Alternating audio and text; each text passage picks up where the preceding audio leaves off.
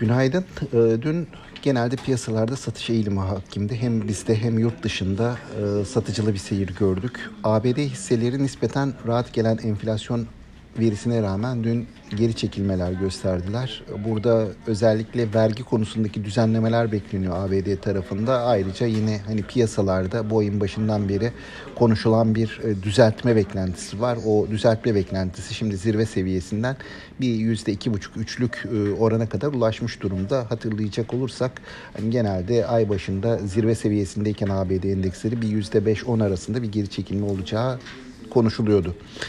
Tabi bu devam mı eder e, yoksa bu seviyelerden bir toparlanma mı görürüz? Bunu hem ABD tarafındaki bu para politikası uygulamaları hem de piyasanın ekonomiye olan güveni gösterecek önümüzdeki günlerde.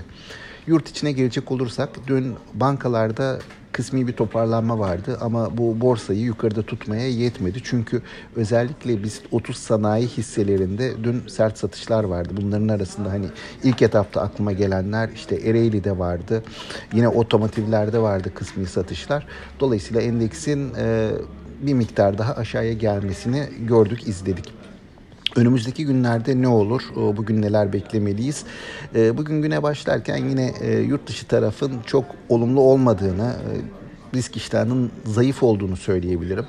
Bizim tarafta da güne başlarken bu bankacılık sisteminde zorunlu karşılıkların döviz varlıklar için döviz e, zorunlu karşılıkların yükseltildiği haberleriyle başlıyoruz. Ee, gelecek hafta malum 23 Eylül tarihinde bir para politikası kurul toplantısı var. Bu toplantıda faiz politikası, faiz oranı açısından önem taşıyor. Yani piyasa aslında e, bir e, beklentilerin belirsizliğin devam ettiği bir yön bulma gayreti içerisinde. Bu yön arayışının sürmesini ve satış baskısının bir süre daha devam etmesini bekliyoruz. Bugün de borsanın risk iştahı açısından zayıf bir başlangıç yapmasını bekliyoruz. Tüm izleyicilere sağlıklı, bol ve bereketli kazançlı günler dilerim. Yeniden görüşmek üzere.